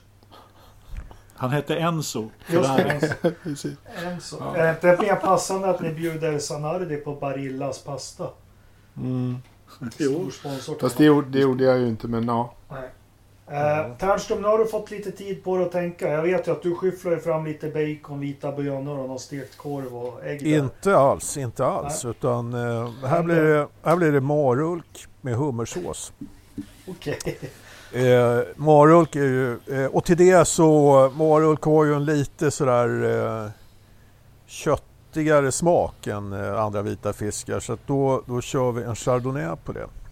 Ja. Eh, Gay. ja, precis. Och eh, marulk är en jävla ful fisk. Och därför, eh, En jävligt bjud- ful fisk. jag har bjudit in en ful fisk till middag. Nämligen eh, Max Mosley. Ja, men honom tänkte jag ta. Vet, nu måste jag säga. Det var mitt första. Så tänkte jag Ternström kommer ta honom. Men okej, ja. Ja, nej men jag, jag gillar ju Max Mosley och eh, samtalsämnet skulle nog röra sig runt... Eh, 1930-talet. nej, inte riktigt. Eh, men det skulle röra sig runt eh, eh, den här skandalen när han blev uthängd i brittisk media, eller ja, i media över hela världen naturligtvis. Eh, och eh, hur fan han hanterade den. Jag tyckte han gjorde det på, eh, på ett jävligt bra sätt och eh, vet jag inte hur långt de här rättsprocesserna har gått. Eh, Men han stämde dem och fick rätt för det. ja, precis. Återigen, jag såg igår när jag kom hem från lilla semestertrippen. Fan, jag kommer inte ihåg titeln på Youtube. Det var något så här Playboys Champion. Då var det en en och en halv timmes dokumentär om 1976 och därefter. Mm. Vilken vann Rod Racing VM och vem vann Rod, Road Racing VM? Mm. Och vem vann Formel 1 VM? Kan ni klippa vilka det var 76? 76, James Hunt vann ju... Ja, och Vann ju VM. hans, hans like F1. som körde båge då. Oh, eh, Barry. Vad hette han? Barry. Sheen. Ja, mm, okej. Eh, och i den här dokumentären är Max, den är ganska ny. Eh, Max Mosley är med mycket i den och Mm. pratar och får frågor. För dels var det att allt det här, det kom ju fram mycket i den här dokumentären vad de här höll på med. Eh, Men och när vändpunkten blev att man började jaga idrottsstjärnor med skandaler och sånt. ut- Utan de kom ju undan med allt de här två. Precis Mm, allt. Men då får han även frågan om hur han hanterar sin skandal han var med i. Så jag ska lägga ut en länk där, vad intressant. Ja, vad, vad bra. Nej, men jag, att, eh, Mosley, jag tycker han är en jävligt fascinerande figur. Han är, han är oerhört eh, vältalig och även bildad. Eh, sen som Christian, var, det var väl du som sa det, nämnde någonting där om 30-talet och så vidare. Han har en jävla bakgrund. Eh, hans far var ju ledare för eh, eh, det brittiska extremhögerpartiet också. Eh, det jag tror det finns oerhört mycket att prata med den mannen om. Alltså. Så att, eh, Jo, det var, det var roligt för honom skulle han har nog mycket. ja, I den här dokumentären berättar han i alla fall en, en anekdot. Han lyfter lite på locket. Han var med, han hängde med Hunt inför något lopp i Brasilien. Och så var de på väg, nej jag ska bara upp till min kompis. Ja, ja, ja, sa Max Mosley. Så hade de åkt upp i någon penthouse, jättefin lägenhet. Så hade, hade värden där som bodde där, där hade han dukat upp tre vita streck. Och så får man väl, ja, man får Mm. väl fritt för tolkning vad det kan vara. Jag tolkar som att det var kokain. Och då hade James bara sagt så här, du ska inte ha något va Max och dragit i sig två streck. och Ja, kört lopp dagen efter. ja, Ja. Så den, nej, jag ska lägga ut länken, den var bra. ja. Vad bra, då, då återkommer vi nästa vecka med efterrätterna. Då. Eh, jag tänkte på, du var inne på det Ridderstolpe, något som har faktiskt inte chockat mig, det ska jag inte säga, men som har gjort mig lite illa till mod så det känns för jävligt. Det är den personen du var inne på. Sanardi har varit ute och kört handcykel och eh, försökt klippa Apex en nedförskurva och då mött en lastbil. Eh, jäkligt oroväckande rapporter. Eh, jag hade precis, antagligen som du Ridderstolpe, lyssnat på eh, Formel 1 officiella podcast med honom. Eh, bara timmar innan. Supersympatisk han pratar men vi börjar med varför slår blixten ner på samma ställe två gånger? Det är... Ja, det kan man ju fråga sig. Då kan man väl säga så här att eh, Sanardi eh, Ja, ska man göra den jämförelsen så kan man väl jämföra det, det, Sanardi har ju varit en, en lirare som har gått omkring med en eh, 30 meters eh, lång jävla stålpåle mitt i åskväder. Det är klart att det kan slå ner två gånger. Killen är ju en risktagare liksom.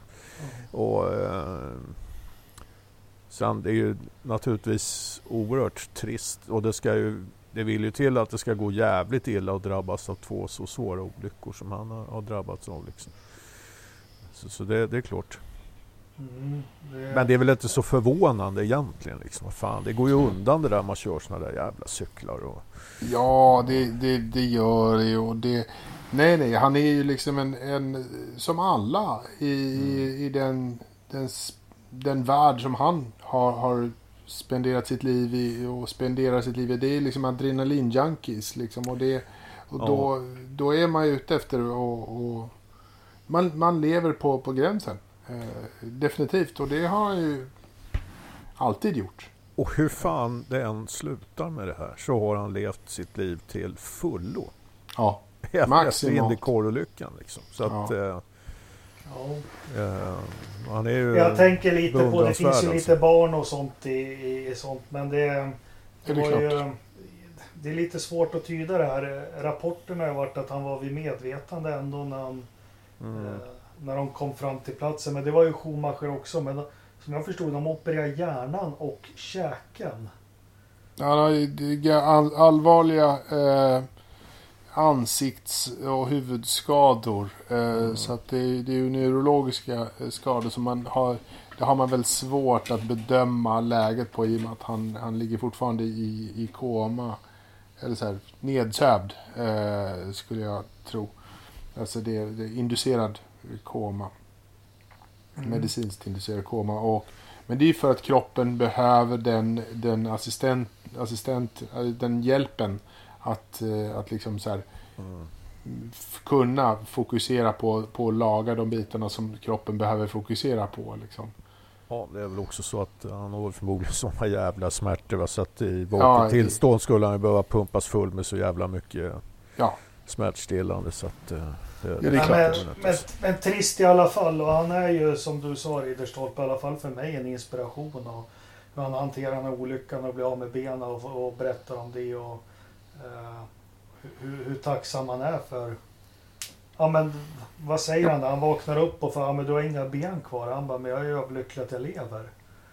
Ja, ja men alltså, han har ju han har ju varit eh, och är ju liksom en inspirationskälla för flera mig. Liksom. Det, Mm. hela hur han har liksom tacklat livet efter 2001 och kommit tillbaka och tagit ett antal guldmedaljer i Paralympics, eh, liksom både 2012 och 2016.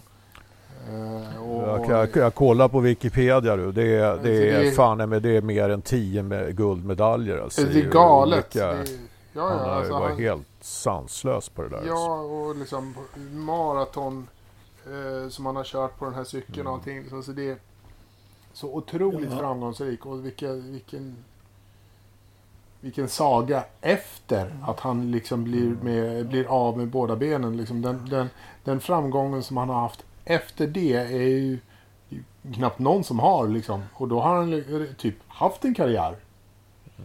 Han har ju Han inte kört måste ha så varit lite. jävligt aktuell för Williams här då. Ja. ja. men han har ju inte kört så jäkla lite eh, liksom standardbilar efter det här heller. Nej, han har ju kört, nej, nej. liksom inte eh, kanske riktigt på samma ex, riktigt höga nivå. Men han körde ju ändå det. Han var ju i DTM och kö- Ja, liksom gjorde inhopp. Och, han. VTCC Ja. har han kört. Han vann ett ja, men han gjorde ett inhopp för två år sedan tror jag på Misano där i, i DTM. Men, och Ja, innan okej. Mm. dess då precis eh, i VTCC i flera ett par säsonger om Ja. jag inte kommer ihåg helt fel. Han har ju legat någonstans där topp, eh, under topp 10 men, eh, men jag menar Ja. det är en prestation i sig liksom. Och, Ja, Ja, tråkigt är det. Vi, så det är bara att hålla tummarna för att han eh, Ja, alltså det, det, om, om de neurologiska skadorna inte ger några bestående men då kan han ju faktiskt komma tillbaka. Ja, herregud. Och, Vilken eh, saga det skulle vara. Känner man den liraren rätt så Ja. kommer han ju att... Ja, han, kom, Ja, kommer ju inte att ladda mindre än vad han har gjort tidigare. Liksom. det coolaste med honom tycker jag det är vilka jävla biceps han har. De är ju helt sanslösa. Ja. Eh, nej men vi får göra som amerikanerna. Vi får be för honom. Om det nu gör någon nytta. Eller det är helt valfritt. Man får göra det om man vill. Men, ja. Jaha, Ja. tack. Ja. Eh, bra där. Anders, du har, jag har inte hört mycket från dig idag. Det gör mig orolig. Så en utblick i racingvärlden. Har du något smaskigt? Ja, det har jag. Daska upp. Ja, låt höra. Tänk för att jag har det. Det var ju Formel Bs premiär här i, i helgen. I, I Danmark av alla ställen. Och, eh, och eh, danska F4. Där en eh, lovande ung talang gjorde premiär. Och eh, Yuji Noda. Jag vet inte hur, hur man ska uttala Jojo. henne. Jojo, hennes... eh, Ja precis. Du kan ju sånt Är det där. något släktskap Eh, hennes- med Hideki? Är hans dotter. Alltså, ja, det kan man ge sig fan på. Ja, inte med den där någon i Star Wars, den där roboten. Eller? Precis. Nej. Nej men det, är, Ja. det är hans dotter och hon har ju varit ett, Man har ju påstått att hon är ett stort underbarn. Eller påstått. Hon har vunnit rätt mycket i, i lägre klasser. Jag har inte följt henne jättemycket men Nej, hon, är, nu nej. hon, eh, hon gjorde någon privat test där på Okuyama i alla fall och, och körde liksom eh, banrekord det första hon gjorde. Det kan ju det kan ju vara svårt att bedöma naturligtvis. Men nu gjorde hon i alla fall premiär i eh, danska F4 då. I formelbilar. Och eh, vann sitt första lopp då. Eh, från pole. Eh, hon stod tvåa men eh, han som stod på pole blev nedflyttad. Och, och sen så. Eh, så att ändå vinna sitt första lopp. Och sen ska man ju också ärligt säga att i andra loppet så blev hon diskad. Nej, för där var det omvänd startordning. Det var något problem med däcken som blev diskad. I tredje loppet startade hon 12 var väldigt långt bak. Eh, och körde upp sig till fjärde kanske om jag Ja. kommer ihåg rätt. Någonting i den stilen. Nej men, Men- det vore väl jävligt kul. Eh, Det gick bra för den tjejen. Ja, det vore ju fantastiskt kul. Ja, Sen hon är- vet man ju inte hon- riktigt. Men hur gammal är hon nu igen? Alltså hon är ju jätteung. 14 tror jag. Precis. 14 år. Ja. Det är... Alltså ge henne tre år till i, och, och mogna på sig så kommer, och, och fortsätta i, i en sån här utveckling så är, är det ju makalöst vad hon skulle kunna Ja. liksom, hitta på. Verkligen. Men, och det, det, intress- det intressanta är ju att det är en bra backning här bakom Mm. henne också naturligtvis. Ja, Sen kan det- man ju... Det ännu mer intressanta, varför väljer man Danmark? Vad är det man ser där? Som... Ja, det, det är också fundera på lite grann. Jag vet faktiskt inte riktigt varför men... Men det var väl eh, kanske så eh, att det var ett av få race som körs. Nej, men hon hade redan Ja. valt, hon hade valt Ah, Danmark okej. och det var noga utvalt eh, faktiskt Ah. eh, Danmark eh, för att eh, det här är första gången hon har lä- lämnat eh, Japan och resa eh, på, på heltid. Så, och så Mm. valde man Danmark för att det var nog ganska lagom stor munsbit att ta. kanske. Ja. Lite lugn och Ja. ro och lite så här lagom, lagom stort och, och liksom ett bra, ett bra insteg till en internationell karriär, eller skulle jag tro. Så Alltså- det, det, är inte, det, är inte, det är ganska genomtänkt. Hennes karriär är nog Mm. någonting som man verkligen har planerat upp här nu. Liksom. Har man eh, bra backning och så eh, så är ju... Eh, alltså det, är- jag tror det är jävligt bra om man kan skapa förutsättningar där resultaten inte är så jävla viktiga på låg nivå utan där det faktiskt mer handlar om att lära sig eh, köra bilen, eh, se till att lära sig allt man kan liksom om inställningar och allting och, och, och lära sig kommunicera med liksom, både bil och tekniker och så vidare. Det finns väl inte sådär jättemycket att skruva på på en, en Formel 4-bil men eh, eh, ja. Men, men, men hur, hur, var... Jag har tänkt mycket på det och jag skäms att jag inte kommer ihåg vad han svarade. Men när vi hade Felix som gäst så resonerade vi varför inte japanska förare lyckas utomlands. Och han hade ju någon teori om det som jag tyvärr har glömt. Är det något mm. ni kommer ihåg? Ja, det var väl för att de inte är intresserade av att, att åka utomlands. De har det så bra där. Var det inte så mm. det vi kom fram till? Att de, de, har, ju, de har ju bra racingserie och bra, ja. bra konkurrens och allting sådär. Så att det, för dem var det lite svårt det finns... att se poängen att dra.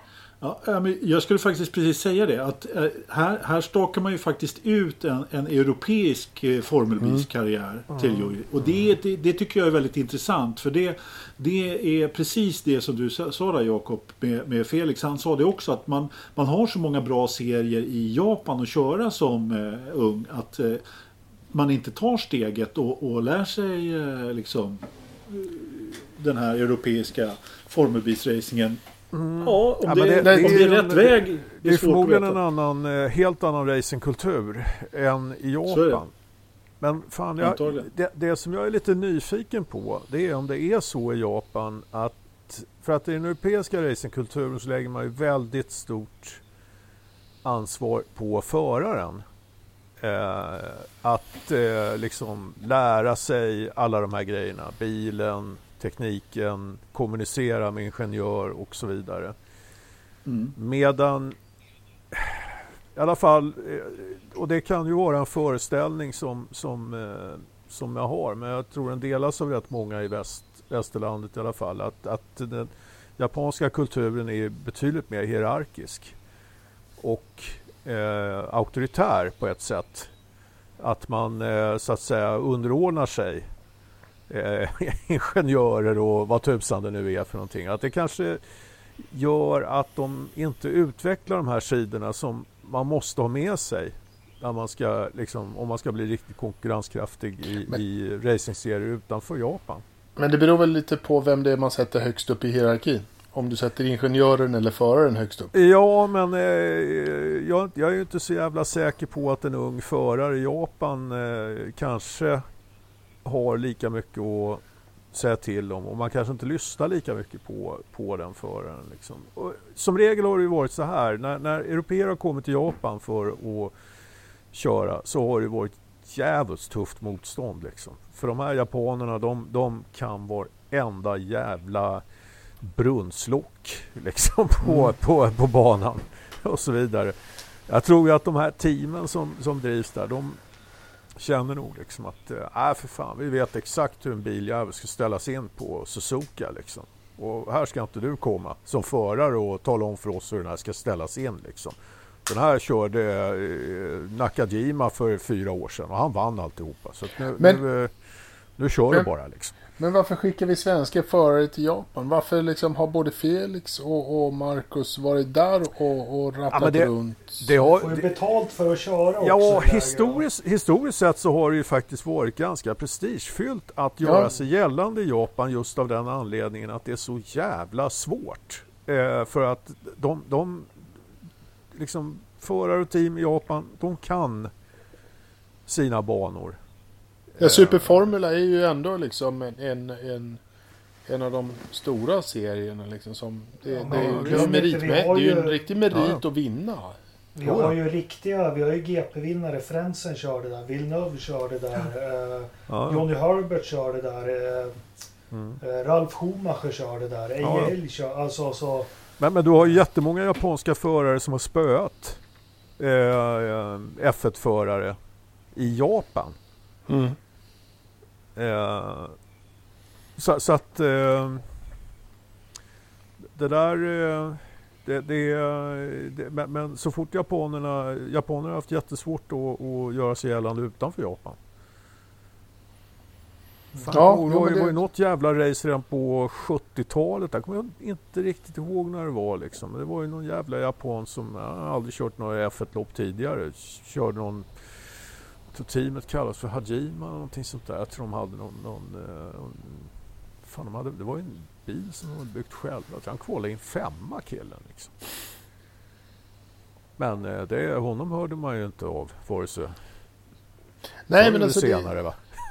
nej, men med, ta, eh, med, ta, med tanke på hur, hur liksom statusen på, på Superformula är av, av andra liksom lite internationellt sett och Mm. ansedd så, där, så borde man ju faktiskt ha lite fler japanska förare i andra serier Mm. också.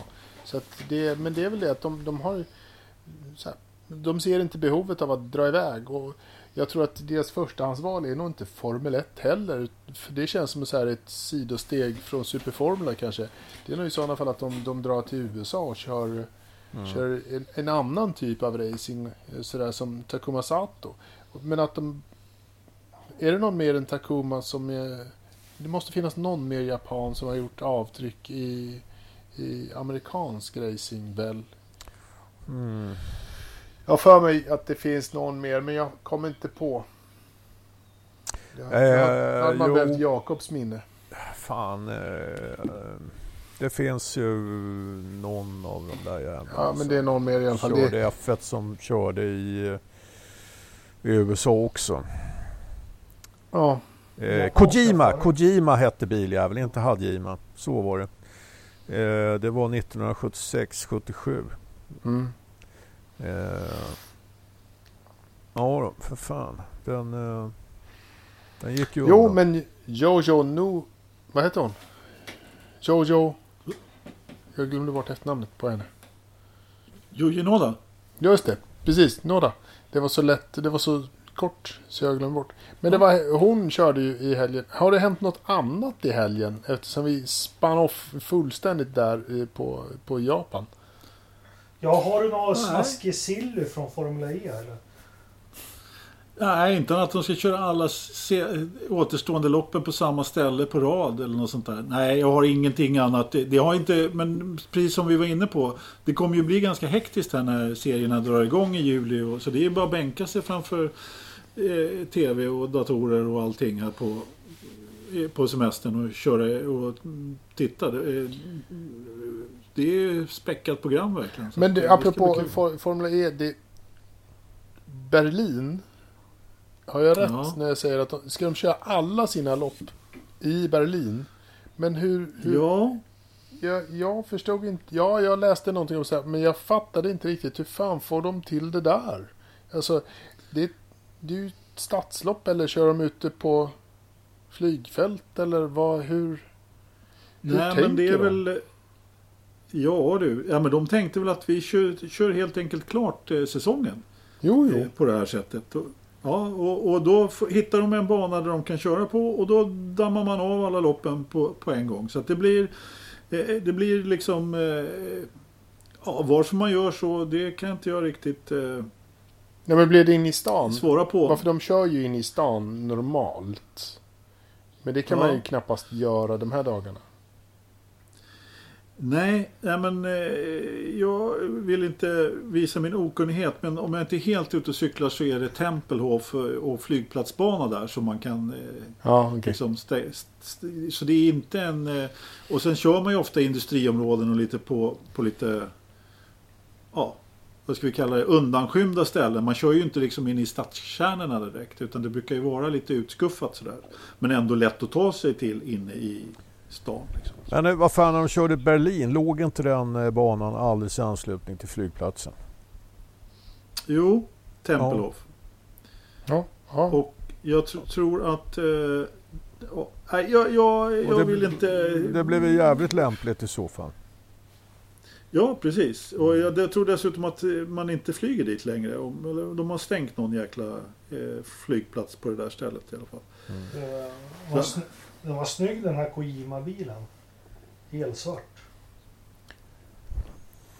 Mm. Vilken bil? Nej, Jap Japanbilen. Ja, du har hållit på att googla den du. Ja, jag gjorde det. Ja, han var, inte- han var inte så intresserad av att lyssna. Ja, jo, Nej, precis. E, det kan man ju inte. Så här, en, två, tre, nu ska vi se. 5 augusti, 6 augusti, 8 augusti och 9 augusti kör man alltså eh, på, i Berlin. Då. Så att det, ja, det är bara att, det är bara att bänka sig. Ja, Hur går, det Dag med, efter dag. hur går det? Nu börjar mina batterier här. Hur går det med västkustloppet? Ja men det rullar ju på. Eh, så att eh, allt, det finns ingenting som talar för att vi inte kommer att köra där. Eh, så att eh, det, det ser bra ut. Vi kommer att presentera en ny förare i klassen också. I veckan kommer det lite fler nyheter också som jag tror kommer att vara väldigt intressanta för eh, Racing Sverige överlag. Det, känner lite grann att V8 Thunderclash är, är liksom den klassen där det verkligen rör på sig just nu, där det händer grejer under ytan. Vi kommer liksom kanske inte att se eh, resultatet av det av allt det i år men eh, definitivt nästa år så att, eh, det känns, känns jävligt bra faktiskt. Finns Spännande. det någon ledtråd vem den här nya föraren kan vara? Eh, Bor i en förort i Stockholm. ja, det, det, han har inte förekommit i Palmeutredningen. Alltid något. Vilket, Det har vi inte så eh, mycket, har vi inte så mycket folk Ja, det- kvar att välja på. Jag skulle jag säga att det, det utesluter inte så många. Utan snarare... Nej då, nej, men det är, det är en bra ung talang som eh, har valt att ta steget till eh, V8 Thunderkors vilket är jävligt kul. Ja. Så Ja, kan man också avsluta en karriär. Mm. Va? Veckans Han, han, han har bara påbörjat sen. Eller Ja. ja. Okej. Ja. Ja, det är bra. Veckans Verstappen, Anders. Ja, jag vet inte om jag har någon sån här jättebra i, i, eh, idag men eh, jag får väl dra till med RTL då. Jaha. Nu igen. Igen, har jag haft dem förut? Ja, fast det var ganska länge sedan. Då hade du semester också. Det var fan ett år sedan. Va, va, varför är det? Fan vilket minne du har, det har jag glömt bort helt. Ja, då får de det, nej de ska sluta sända Formel 1. De är ju den enda free to air i Europa i stort sett som, som sänder Formel 1. Och Fast eh, du, nu du har kan inte ge dem Verstappen för det. Du måste ju ge systemet. Verstappen. systemet. Systemet. Nej, jag ger RTL. Ja, gör det. Ternström. Ja du. det är... Nu ska vi se. Ja men det är ju lite elefanten i rummet. nej, jag, fan, jag orkar inte. oh, nej, vad fan. Eh, eh, eh, Ja, kom igen då. Ja, nej, jag, jag, eh, jag, jag säger så här.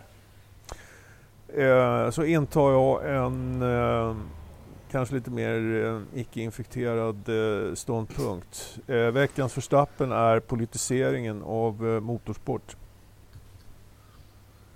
Ja. Ja, då den vill jag får se du lägga mindre ut av. texten här då. Nej, det är... Jag tror de flesta lyssnare kan väl dra sina, sina slutsatser av... Eh, nej, men jag tycker att det börjar bli alldeles mycket inblandning av, av eh,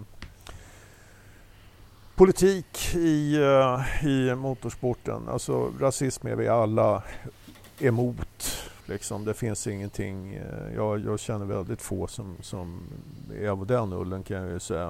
Eh, känner jag någon så, så är det för att vederbörande inte eh, har gett sådana åsikter till känna. Utan har dolt dem väl i så fall.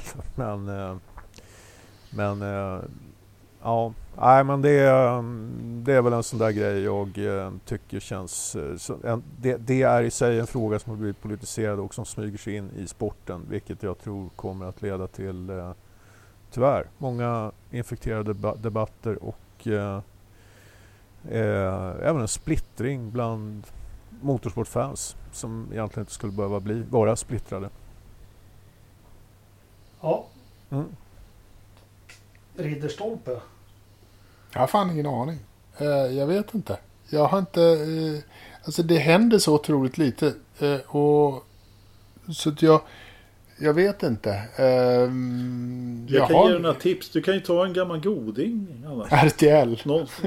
Nej, ja, eller Ferrucci eller Ja, Pagino eller... ja jo, det, det är klart man kan. Men de har ju inte gjort någonting på, på ett tag. Det är ju ingen som har gjort Men någonting det, behöver, på det ett tag. spelar väl ingen roll. De, de, de kan ju, jag menar, de, Ferrucci kan man ju ge Han Verstappen. kan liksom. alltid få. Jo, men alltså det... Han, ja. Vad heter han den där brittiska lilla bondtölpen, höll jag på att säga, men pojkvasken som, som inte borde köra formelbil överhuvudtaget. Blonda snårjoken. Max Tänker du Chilton. på? Ja, Max Hilton. Han, han så, så kan du inte bara ta och, och liksom så här sluta upp med det här nu. Och, och, så, så får det vara bra. Så, Max Hilton kan väl... Nej, lägg Ja, det är av. en Så, på klassiker. riktigt. Ja, han kan lägga av. Så. Ja. Jaha, eh, Jag behöver inte eh, ha vet, honom eh, att riskera andra människors liv på en racerbana. Helt enkelt så. Ja. Jakob då?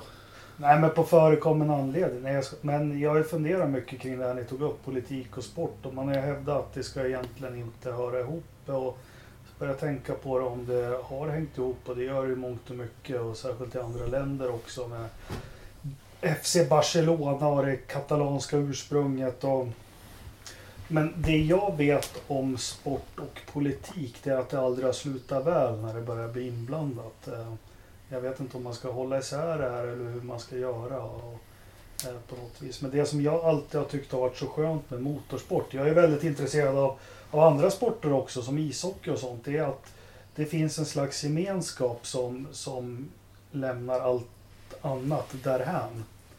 Eh, det spelar ingen roll om du hejar på den eller den eller om du är gul eller vit eller blå eller vad man nu Precis, utan man är där för att liksom, man älskar sporten och det som gemensam nämnare. Men det kan ju inte bli veckans Verstappen så jag säger att veckans Verstappen blir ehm, eh, att jag inte har tänkt ut någon Verstappen. Jag har haft det för bra helgen. Jo, kräftstjärtar i, i sallad. Matförgiftning. Va? 4,0 bars tryck ur båda hålen samtidigt. Här blåser vi rent. Jajamän, båda. saken. Båda jävla ändarna. Det var otroligt obehagligt. Jag har aldrig varit med om något liknande. Men det var, vad fan var det du åt? Han Jag åt inte. Han, köpte satt, en- han satte kompressen i naveln så tryckte han igång. Jag köpte en sallad som det var halva priset på med räkstjärtar och, och, och, Herregud. och, och räkor i. Ja, det, det, Men hade du, eh, hade du förvarat den uh, olämpligt på något sätt innan Nej, den den? ska ha stått kylt. Men jag anmälde det där till miljökontoret sen så jag hoppas de var där och tittade. Men min fru som är livsmedelsinspektör också. Jag följde ju precis schemat Tim för matförgiftning. Så Ja. för exakt 23.31 så fan det är knorrar till rätt bra i magen och knep till. Så Ja. Sen så hände allting fort och det pågick under fem timmar. Så det, Men, på racerspråk och säga det var brun flagg här på Hillenvägen.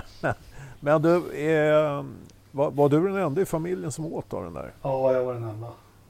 Ja, ja. Ja. Det är lite väl mycket så här, intressefrågor om hans matförgiftning här känner jag. Ja, ja. ja, ja jag Ja, tror men man känner sig intressant. ensam där på natten på toaletten när det liksom när man Ja. mår sådär jävla dåligt och får Vi kan säga att det har varit en jävligt händelös, händelselös vecka när det gäller motorsport i alla Ja, fall. eller hur? ja, Om man vill prata, prata det och dra upp Max Chilton bara Ja. för att dra upp någonting så har det inte hänt så jävla mycket. Det kan man säga. För 99 och kanske sista gången då Anders, vad har vi för väder i Idre? Eh, Jag har ingen aning. Har Du är inte där. vädret? Ja, jag får kolla då. Ja, jag har inget väder höll jag på att säga. Jag Fernström, det pep iväg förra veckan kan jag lova.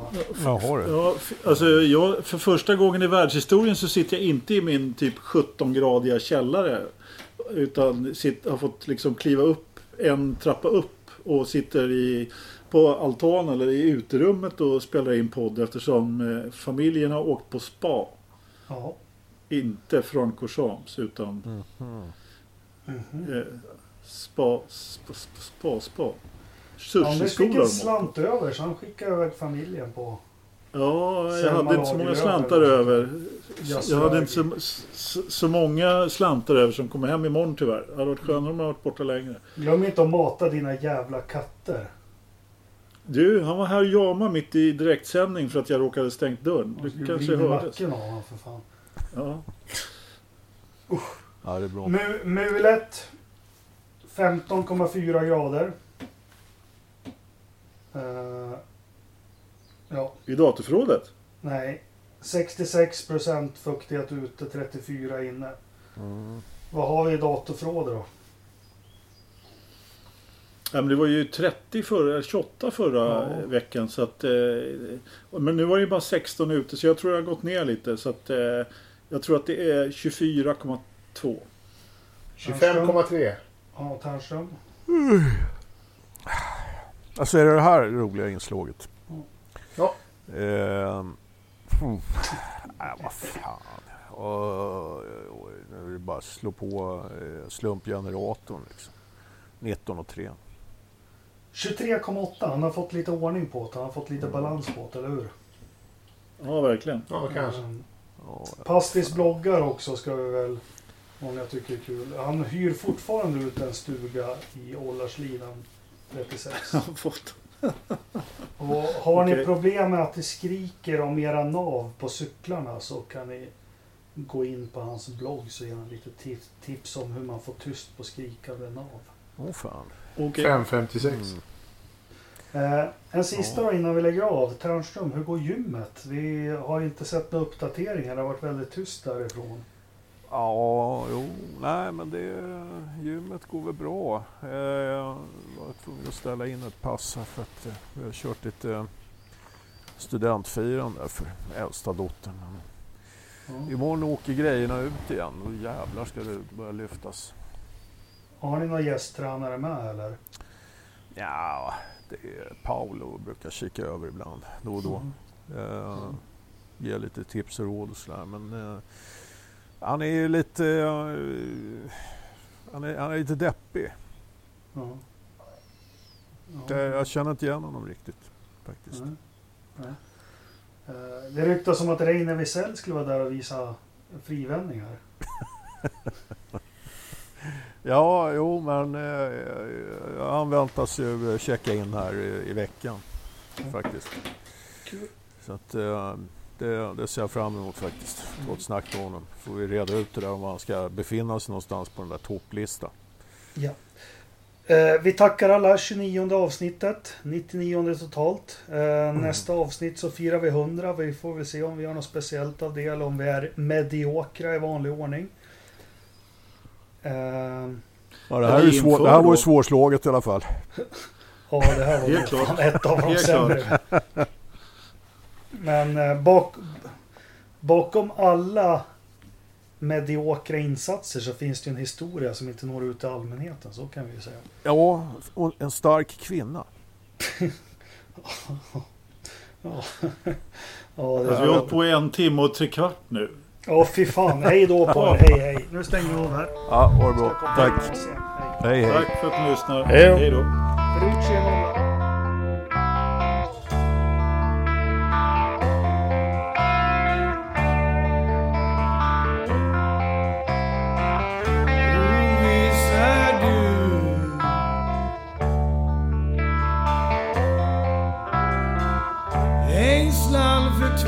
God.